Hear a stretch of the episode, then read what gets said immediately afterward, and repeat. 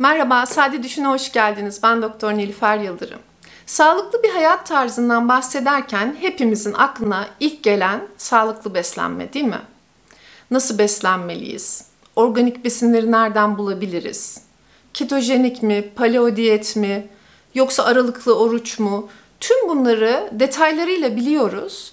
Ancak bence bu sıralamayı değiştirmenin zamanı geldi. İlk sıraya ne koyardım biliyor musunuz? Hayatın anlamı, yani bir niyetiniz olmasını. İkinci sıraya ise hareketli bir hayatı, hareket etmeyi. Bakın egzersiz ya da spor demiyorum.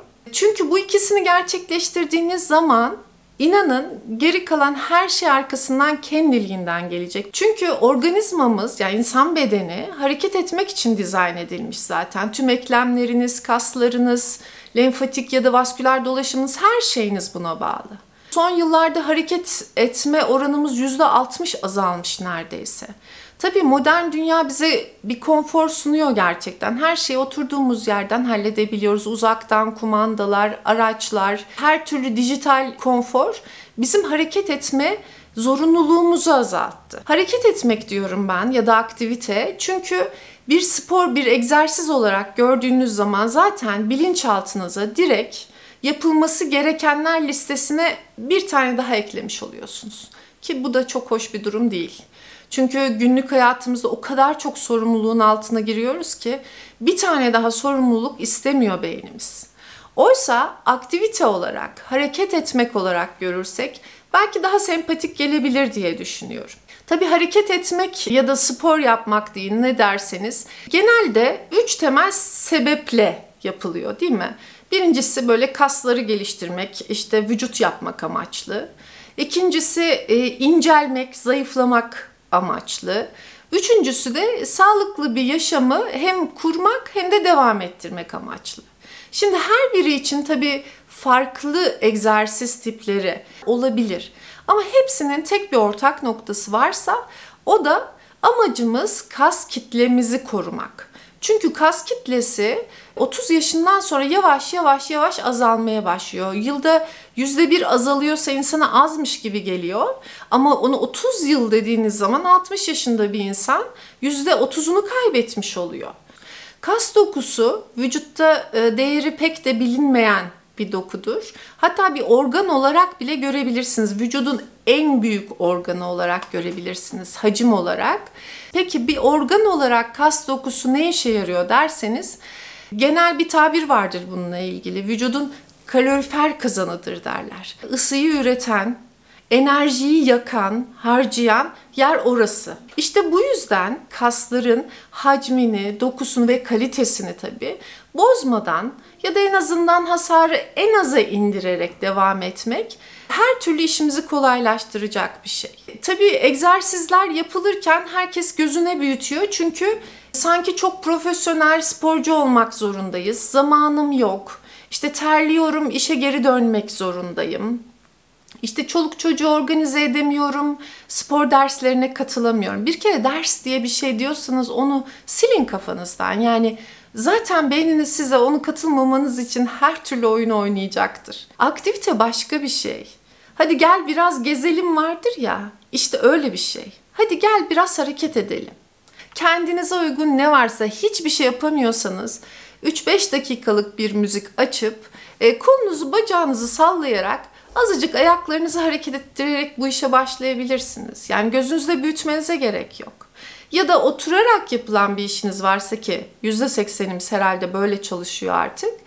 Böyle akıllı saatler var ya basit. Siz e, işe dalıp da çok uzun süre oturduğunuz zaman ufak bir uyarı veriyor size. Kalk bir hareket et diye. İşte o kalk bir hareket et var ya aslında hayat kurtarıcı bir şey. Yani siz 5 dakika kalkıp şöyle etrafta gezinseniz bile yeterli. Böyle çalışmalar yapılmış. Günlük hayatta sadece spor dışı günlük aktivite anlamında daha fazla hareketli olan insanların günlük 100-150 kalori daha fazla yaktığını görmüşler. Bir marketten alışveriş yapacaksanız telefonla istemeden yakında bir market varsa birkaç parça bir şey alacaksanız kalkıp gidip onu almak gibi. Üstelik onu aldığınız zaman taşıdığınız poşetler çok ağır da değilse aynı zamanda hafif bir direnç egzersizi de yapmış oluyorsunuz. Kaslarınızı farklı yönde çalıştırıyorsunuz. Hem direnç egzersizi yapıyorsunuz hem yürüyerek kardiyo yapıyorsunuz. Bunlar gibi yani basit şeylerle aslında hayatınıza aktiviteye katabilirsiniz. Şimdi direnç egzersizi demişken tabii bu egzersizlerin de çeşitleri var. Direnç egzersizleri kasın boyunu çok da uzatmadan daha çok böyle gücünü arttırmak, kalınlaştırmak için yapılan egzersizler. Burada ağırlık kaldırma durumu var. Ya dışarıdan bir ağırlık kaldırıyorsunuz ya kendi ağırlığınızı kaldırıyorsunuz. Direnç egzersizleri kası enine büyütmeye yöneliktir daha çok. Yani geliştirir, büyütür. Oysa kardiyo egzersizleri ki onun e, aslında uzun açılımı kardiyovasküler egzersizlerdir. Adı üstünde kalp damar egzersizleri, hareketleri. Yani kalbinizi ve damarlarınızı yani dolaşımınızı hızlandırmak için, sağlıklı bir hale gelmek için yapılan egzersizlerdir.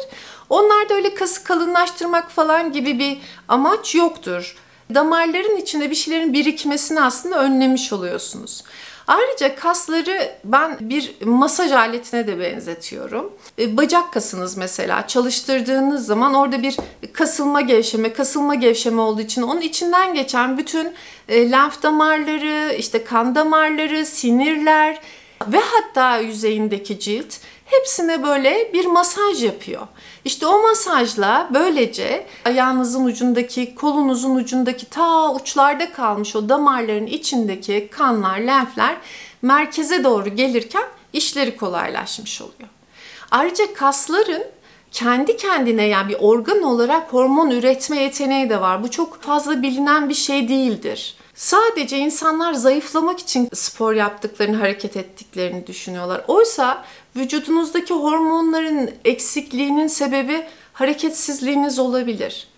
Mesela büyüme hormonları kasların hareketiyle salgılanır ya da nitrik oksit denilen damarları genişleten bir etkendir ve damarlar genişledikçe sizin egzersiz kapasiteniz de artar. Bu negatif kısır döngüyü pozitife doğru döndürmek yolu aslında. O yüzden hareketle başlamak lazım diyorum.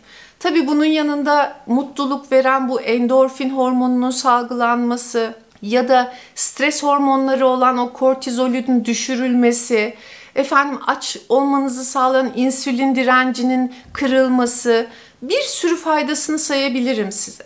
Ama çok faydalı olduğunu bildiğimiz halde yapmadığımız şeylerden biri de aktiviteler maalesef.